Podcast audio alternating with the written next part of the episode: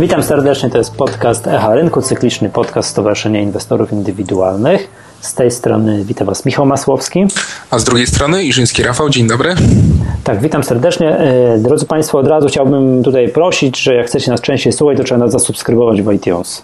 To jest taki programik tak, e, Apple'a, trzeba tam kliknąć i kliknąć subscribe przy nas i wtedy będziecie regularnie dostawali podcast na swoje mm, komputery. Jak ktoś posiada iPhone'a, iPada, to jest aplikacja podcast i tam też trzeba kliknąć, znaleźć nas i, i zasubskrybować. To jest najprostsza droga do, do, do, do dowiedzenia się, że jest nowy odcinek. Oczywiście można regularnie zagrać te, te, też na stronę, na www.scork.pl i tam zawsze podcast gdzieś będzie na honorowym, na honorowym miejscu. My obiecujemy, że będziemy no, starali się te przerwy między kolejnymi odcinkami minimalizować. Rafał, dzisiaj widzę temat numer jeden, który napisałeś tutaj jakby do, do planu mm, odcinka. To jest to, że spółki energetyczne no jakoś tak wzięły się w sobie i próbują nam coś rosnąć, tak? Jakbyśmy tak przepatrzyli po kolei. PGE, Energa, Enea, Tauron, to wykresy wszystkich kilku spółek, jak tak popatrzeć, zamknąć jedno oko w jakiejś perspektywie 3, 4, 5 miesięcznej wyglądają nieźle jest ewidentna hossa na spółkach energetycznych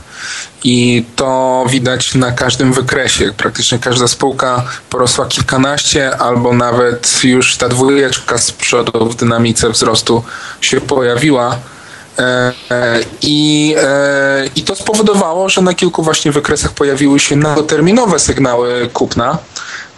I, I to właśnie zaprezentowaliśmy w ostatnim artykule. I tak naprawdę moglibyśmy teraz rozmawiać o każdej jednej z osobna spółce, bo każda jest tak naprawdę niby oddzielnym tematem, a co wszystkie spółki energetyczne wiąże, to też już można we wcześniejszym artykule było przeczytać. Ciebie, Michale, która spółka najbardziej interesuje? No tak myślę, to pytanie takie będę wyrywkowo, co tam pamiętam. Proszę. Jakby PGE, które też jakby no, mam wrażenie, cud się wydarzył na PGE, na stałe spółka zadomowiła się powyżej 20 zł, co jeszcze jakby ktoś mi niedawno powiedział, że PGE będzie powyżej 20 zł, to bym się nie uwierzył, no ale tak jest. Tak jest, to jest to. Dostali kilka dni temu negatywną rekomendację. Negatywną rekomendację to nie jest, to źle powiedziałem, e, obniżoną, obniżony rating, tak? Nikt im nie wydał rekomendacji sprzedaj, tylko tam Moody's im obniżyło rating. Może tak, to będzie bardziej precyzyjne sformułowanie.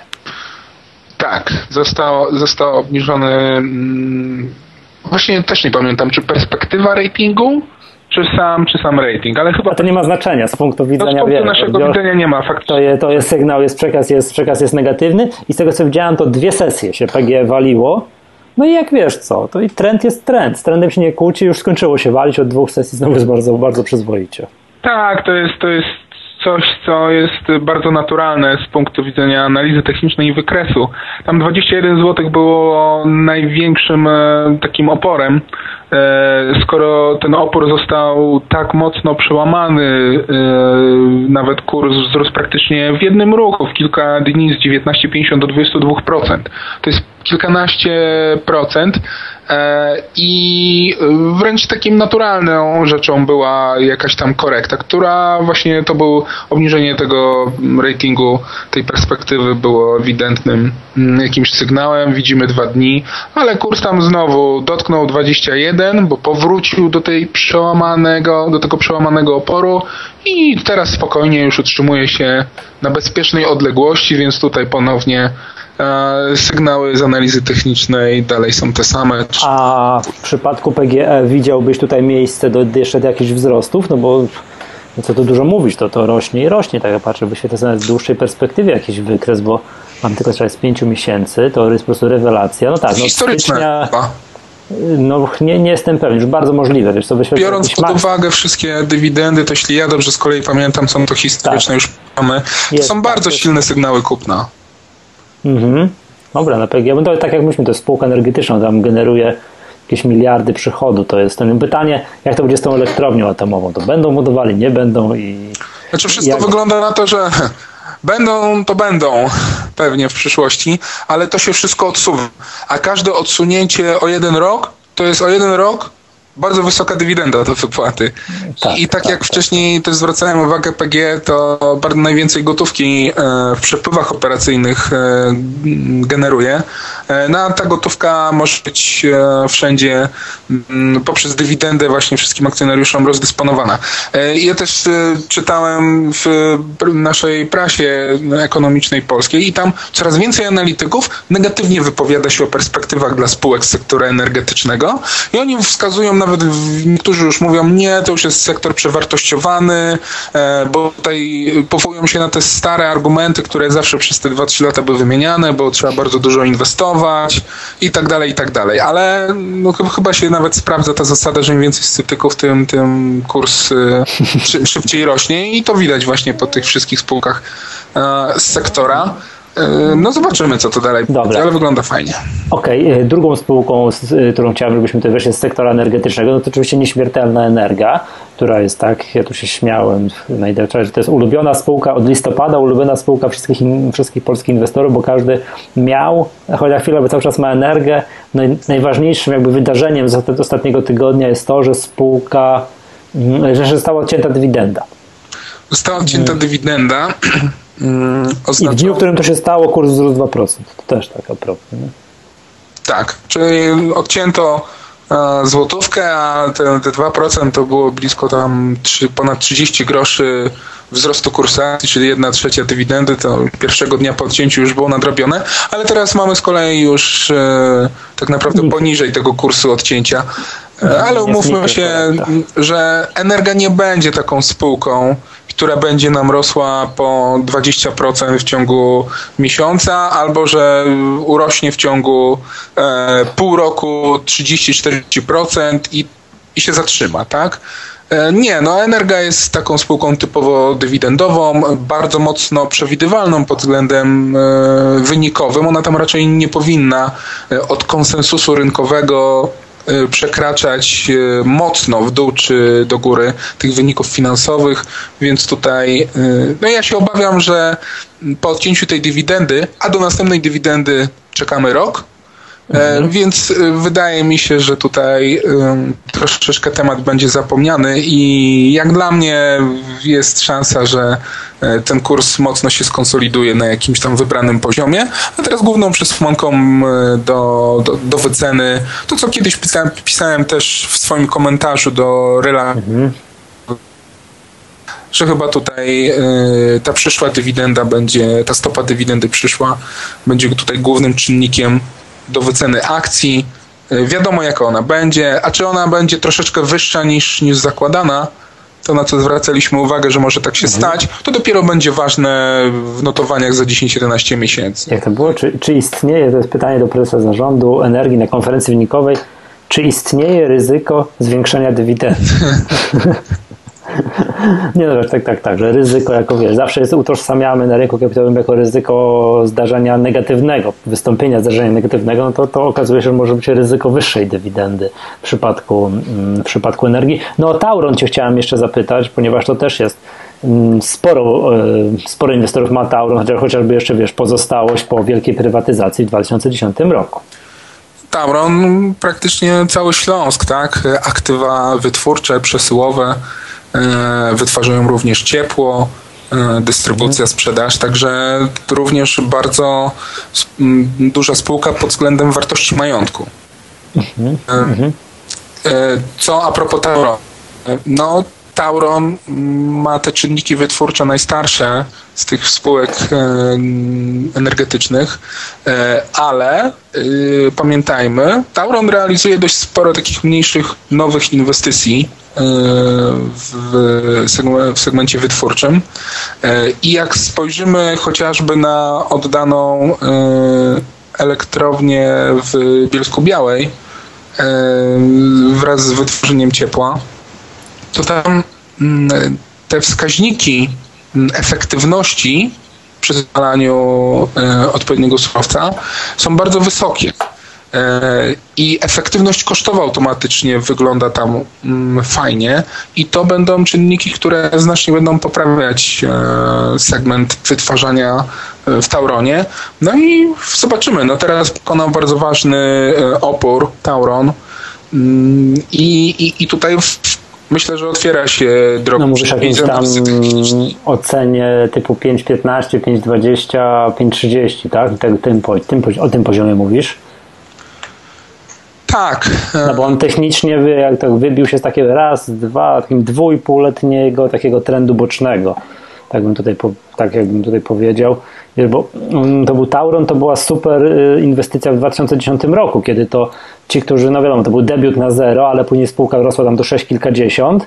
No i to był tak połowa roku 2011 z kolei to był koniec już dobrej, dobrej pasce na Tauronie. I teraz dopiero po przebiciu tych poziomów spółka tam wiadomo, po uwzględnieniu tych odcięt, kilku odciętych dywidend ma szansę w ogóle powrócić do tych, do tych poziomów historycznych szczytów tam z lat 2010-2011. No my w tym przeglądzie wykresów y, ja zaznaczyłem tutaj poziom 5,40, że to był taki y, bardzo ważny poziom y, oporu. Ten poziom został przełamany, bo i nawet 5,50 było, ale teraz mamy już 5,28, czyli to jest 12 mhm. groszy, a dzisiaj nawet było 5,22 minimum dzienne, więc no, po cofnięciu pod, tą, pod ten przełamany opór, opór, który był testowany trzy, trzykrotnie od y, półrocza ostatniego, mm, został przełamany, wygląda na razie na fałszywe wybicie. Żeby wygenerowały się jakieś poważniejsze sygnały sprzedaży, e, to musi z kolei być też przełamana ta krótkoterminowa linia trendu wzrostowego. No jak teraz na szybko patrzę na wykres, to jak przełamie 5-10 w dół, i 5 zł to psychologiczne, no to, no to będzie negatywnie, tak? Także tutaj y, na razie ten sygnał został zanegowany kupna na Tauronie. Dobra, no i Enea jeszcze, jakbyśmy mogli rzucić okiem, która też jakby od stycznia, no to jest super wzrost, tak? Tutaj rewelacyjny. No i tu żadnego cofnięcia nie ma, jesteśmy pod szczytami. Tak, na chyba mm, taka spółka, o której najmniej się mówi, e, no bo mamy Tauron, PG Energę, e, a z kolei PAK jest e, no, spółką prywatną i, i tam synergie które mogą być wytwarzane w, ze spółkami z grupy Solorza. E, o nich dużo się mówi, więc, więc PAK nie będzie taką i nie był raczej taką spółką zapomnianą. A Enea? Enea no, realizuje bardzo dużą e, inwestycję teraz i ona na tym się tylko teraz skupia. I dopóki dopóki ta inwestycja nie zostanie e, uruchomiona, mm, e, nie będą płynęły z niej jakieś lepsze wyniki, a to będzie bardzo znaczna, znacząca inwestycja dla właśnie segmentu e, wytwarzania. To wydaje mi się, że tutaj jakiś szał bym nie oczekiwał, bo Enea jest chyba najnudniejszą spółką pod względem nawet tym fundamentalnym, tak? Mhm. Dobra, wiesz to, to tyle, że chodzi o, o sprawę no jakby energetyki, bo tak wiesz co, pochylam się nad tą energetyką, no bo faktycznie jak przepatrzy się te wykresy oprócz paku, no, który akurat wygląda słabo, to, to wydawało się, to jest, no wiesz, inwestycja ostatnio, jak ktoś pół roku temu się zorientował, że trzeba mieć spółki z sektora energetycznego, to dzisiaj jest bardzo zadowolony. Tak? Pytanie, czy tu jest jeszcze jakieś miejsce na, miejsce na dalsze wzrosty. No na pewno, wiesz, to może powiedział tak, że może nie wzrosty, ale że jak ktoś chce mieć spółkę pewną dywidendowo, że to nie wiem, że zarząd za rok nie stwierdzi, że o, to już nie płacimy dywidendy, to te spółki sektora energetycznego wydają się raczej, no raczej pewne. Dokładnie. Ja jestem sam trochę zszokowany, że y, te spółki zanotowały tak dużą dynamikę wzrostów. Y, akcje tak porosły w ostatnim tak krótkim okresie.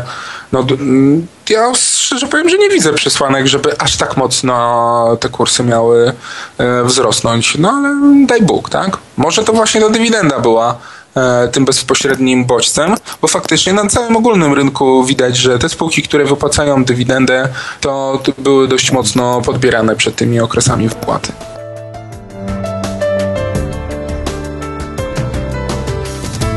Dobrze. Mamy tutaj kolejny temat, który mamy zanotowany, który może, temat to jest LPP, czyli naszej, temat naszej najdroższej spółki na rynku, mm, która no, która najpierw 10 tysięcy tam od lutego spadała do jakieś 7200, no i teraz znowu jest powyżej, no, powy, no akurat w momencie jak mówię słowa to nie, no po 8 tysięcy złotych jest.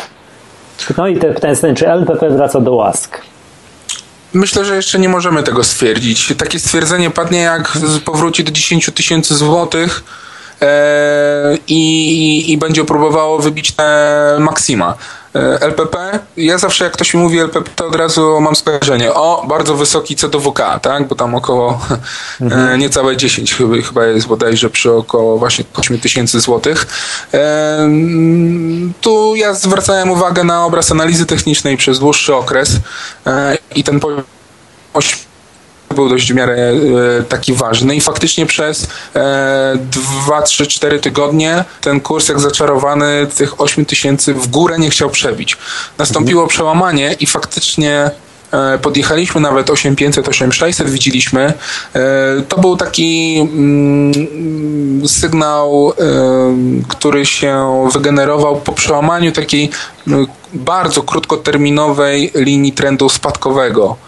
Czyli od 10 tysięcy do 8 tysięcy e, byśmy jak sobie prowadzili taką linię, to właśnie e, ten, ta linia została przełamana, ale tak naprawdę mm, Dziś mamy znowu spadek i znowu kurs spadł poniżej 8 tysięcy, e, także ja tutaj nie widzę na razie jakichś sygnałów, żebyśmy znowu mieli testować 10 tysięcy. Tyle. Wiesz to tak, tak. To trzeba sobie jakby mieć na uwadze to, że LPP to jest rynek inwestora instytucjonalnego. Jakbyśmy też tak mieli spojrzeć, wiesz, w ogóle na LPP tak tro, troszeczkę szerzej. Także tutaj jakby udział, podejrzewam, w obrocie inwestorów indywidualnych no ze względu na jednostkową cenę akcji jest znikomy, że podejrzewam, że jeżeli ktoś inwestuje w LPP z inwestorów indywidualnych, no to nie inwestuje to, nie wiem, spekulacyjnie, krótkoterminowo, no bo no z takiego, z takich względów, a nie, z takich względów, a nie innych, że tylko też tak można powiedzieć, wiesz, że wiadomo, że to można zwracać uwagę na i na wysokie wskaźniki LPP, mm, ale też trzeba mieć na uwadze, że, że to, że no wiesz, że spółka się, że dzisiaj ma problem, tak, że jest po 8 tysięcy. Zobacz, przecież intencją, nie wiem, zarząd, zarządu, właścicieli spółki jest to, że spółka ma rosnąć. Nie co będzie za kolejne 5 lat? To po ile oni będą? Po 20 tysięcy? Wyobraź sobie, co się jaki będzie problem wtedy. W związku nie, znaczy chodzi o, chciałem powiedzieć przez to to, że LPP nie jest spółką taką, że którą może sobie kupić i wiesz, handlować w krótkim terminie, wiesz, chyba, że też faktycznie już dziesiątkami tysięcy operuje. Natomiast bardziej mi się wydaje, że to jest spółka taka z punktu widzenia inwestora indywidualnego, że ktoś może ją kupić i faktycznie podtrzymać jako substytut lokaty bankowej. Wiesz o co chodzi, nie? Z tym, że tam jest dosyć niska stopa dywidendy przy już przy dzisiejszych, przy dzisiejszych poziomach cenowych. No, mnie trochę odstrasza to CDWK. Okej, okay, to jest spółka, która super generuje cash, ma, ma bardzo duże efekty skali, strasznie się wyróżnia na polskim rynku w swojej branży, e, no ale trzeba mieć jakieś swoje, myślę, granice i, i mnie po mhm. prostu jakoś przy tak wysokim tym wskaźniku e, aż tak mocno nie interesuje. O, tak Dobrze.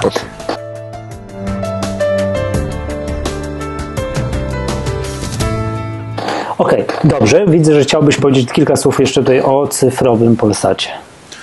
No cyfrowy co, Polsat... Co tam się dzieje? E, dość mocne mieliśmy wzrosty ostatnio i e, ta, to przejęcie Polkomtela mm, przez cyfrowy Polsat e, tak naprawdę mm, powstrzymało wzrost kursu poprzednio. czyli to było no ale to jest przełożenie de facto, wiesz, tutaj Zygmunt Solarz przekłada z jednej kieszeni do drugiej kieszeni. Ale mówimy tutaj o, o, o kursie akcji, a kurs akcji Aha. większością determinują e, drobni plus fundusze. E, I tak jak e, to był 2013, gdzie kurs praktycznie z 21 zł urósł do 24 i się wydawało, że dalej ten trend wzrostowy będzie załamany, to właśnie ta, ta informacja z Polkomtelem spowodowała, że ten kurs ponownie się zasnął przy 20. A właśnie w ostatnich tygodniach mamy ponownie powrót do jakiejś e, tendencji wzrostowej. No słyszy się w wypowiedziach analityków coraz więcej i zarządzających, że ten cyfrowy się im podoba mm, i faktycznie tutaj mm, po wykresie patrząc może być e, ciekawie, tak mogę powiedzieć. No tam troszkę obrót, mi się z kolei obrót nie podoba przez ostatnie że ten wzrost jest zrobiony, ale jak patrzę historycznie, jakie potrafiły być obroty na cyfrowym Polsacie, to teraz jest jakoś tak, mam wrażenie, odrobinę, odrobinę skromniej. Spółka wyróżnia się in minus, nie prowadzi żadnych relacji inwestorskich z inwestorami indywidualnymi. To tak na boku zupełnie. No, my pisaliśmy raport o cyfrowym Polsacie, e, mhm. analityczny z cyklu Ciekawa Spółka, a to było bodajże z półtora roku temu. I fakt, że te relacje z małymi, e, z drobnymi inwestorami e, no nie należą, delikatnie mówiąc, do najlepszych. E, ale jak się spojrzy na raporty analityczne, raczej raporty finansowe spółki, to, to można tam doszukać jakichś swoich informacji, także jakiegoś dramatu nie ma, faktycznie indywidualnych mają trzy kropki.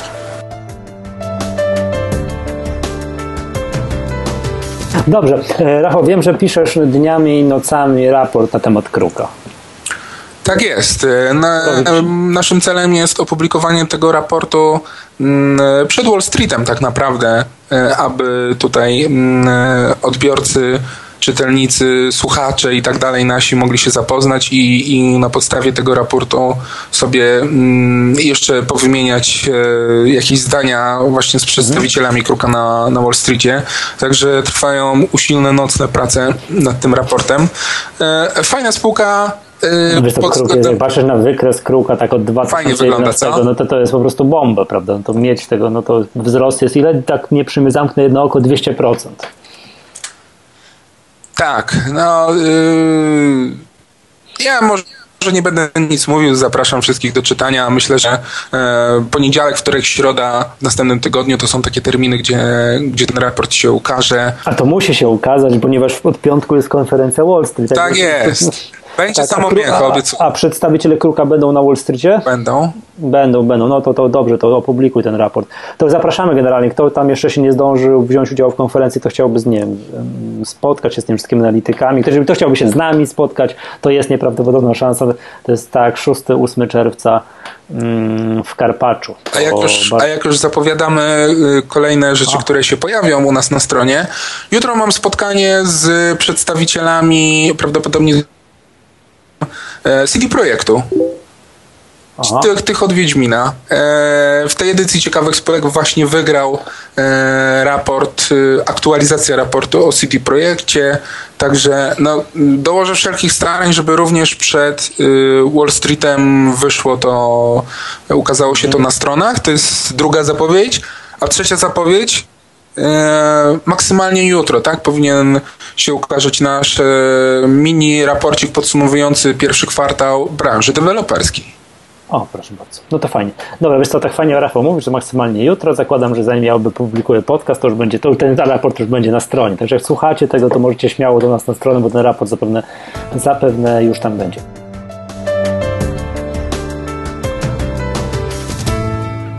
Dobrze, mm, powiedzmy jeszcze tak. E, emisja w Ursusie.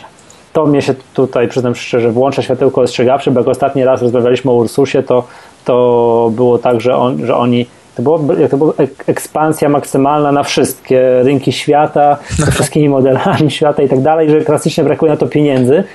Zastanawialiśmy się, skąd się mają te pieniądze wziąć. No to chyba jest właśnie odpowiedź na to, tak? Emisja na 30 milionów złotych, o ile tutaj dobrze, tak jest. dobrze liczę. Bardzo, bardzo ciekawy przykład e, spółki, której akcje notowania akcji e, były mocno szarpane. To znaczy mam tutaj na myśli, że jak wychodziło jakieś e, info ze spółki, podpisaliśmy kontrakt w Afryce, tak? Podpisaliśmy kontrakt, e, umowę tutaj i tutaj. To kursy rosły po 30-40% e, w ciągu jednego dnia, tak? Można się domyślać, że właśnie indywidualny inwestor, mając sentyment do tej spółki i tak dalej, i tak dalej, był, był łakomy na te informacje. A ja tak naprawdę zawsze zwracałem uwagę właśnie na ten problem siły finansowej mhm. Ursusa. Ja jeszcze pamiętam, jak rok temu e, TVN NBC właśnie mnie zaprosił na na wystąpienie, y, aby wypowiedzieć się właśnie na temat y, Ursusa właśnie po jakimś tam nowym kontrakcie, y, to mocno zwracałem uwagę na, na ten problem siły finansowej. I tam już się pojawiały takie głosy, że, że może nastąpić emisja akcji.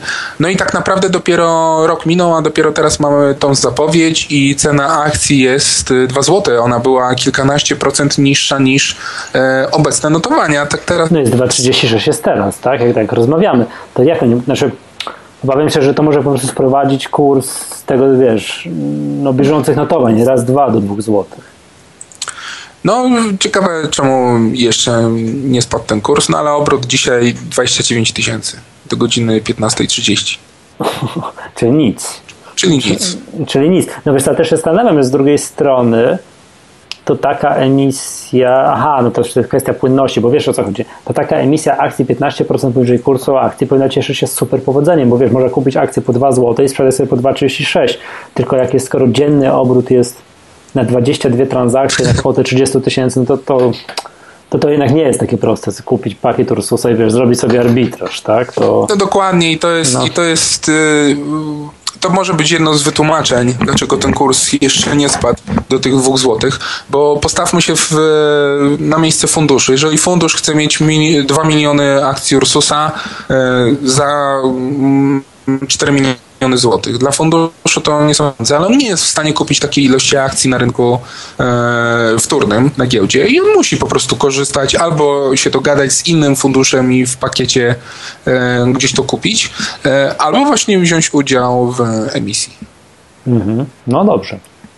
Okej, okay. ale tak jeszcze, ten, y, jeszcze o tym Ursusie y, dopytam ok, jest ta emisja na 30 milionów, widzisz tu jakieś perspektywy, nie wiem, do wzrostów na Ursusie, czy to, czy to raczej zwracamy uwagę na to, że oni jakby mają strasznie kapitałochłonny biznes?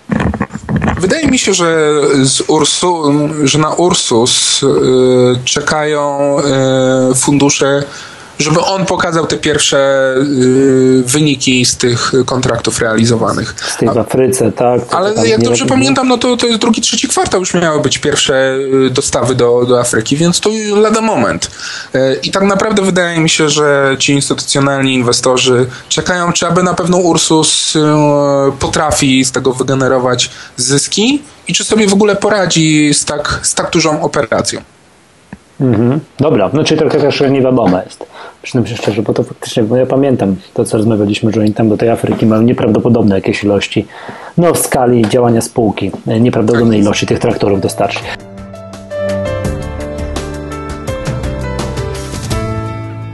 Dobrze, i jeszcze temat, jeszcze ostatni temat na dzisiaj, który jest mm, no też takim jakby gorący, gorąca spółka z punktu widzenia inwestorów, to jest e, Quercus, którym przypominam, rozmawialiśmy w poprzednim odcinku Mm, podcastu, że tam jest na korpusie wyrysowana taka, wiesz, w perspektywie pół roku wzorowa formacja głowy i ramion. Tak jest i e, no jak na razie sprawdza się wypisz, wymaluj. E, jak z Murphy'ego. Wszystko. Zachowana linia krótkoterminowego spadku. Po przełamaniu długoterminowej linii trendu wzrostowego nastąpił powrót do niej i ponowne dalsze spadki. Także tutaj obraz z analizy technicznej bardzo mocno klarowny. Mhm, tak patrzę, patrzę, no widzę tam po, po, po, linia ta taka, linia szyi trochę powyżej 7 zł, dzisiaj jest po 6,63. To nie wygląda dobrze ten Quercus. A jak oni wyniki mają? Jak oni pokazali wyniki? Nie, nie pamiętasz może? E, nie, no bardzo dobre pokazali wyniki za pierwszy kwartał. Jak zawsze. Jak zawsze. Dobrze, okej. Okay. To wszystko na dzisiaj. Chyba, czy chcielibyśmy jeszcze może o czymś powiedzieć? Nie, to wszystko. Zapraszamy Was, tak, że już za sekundkę ten raport o deweloperce u nas na, na stronie.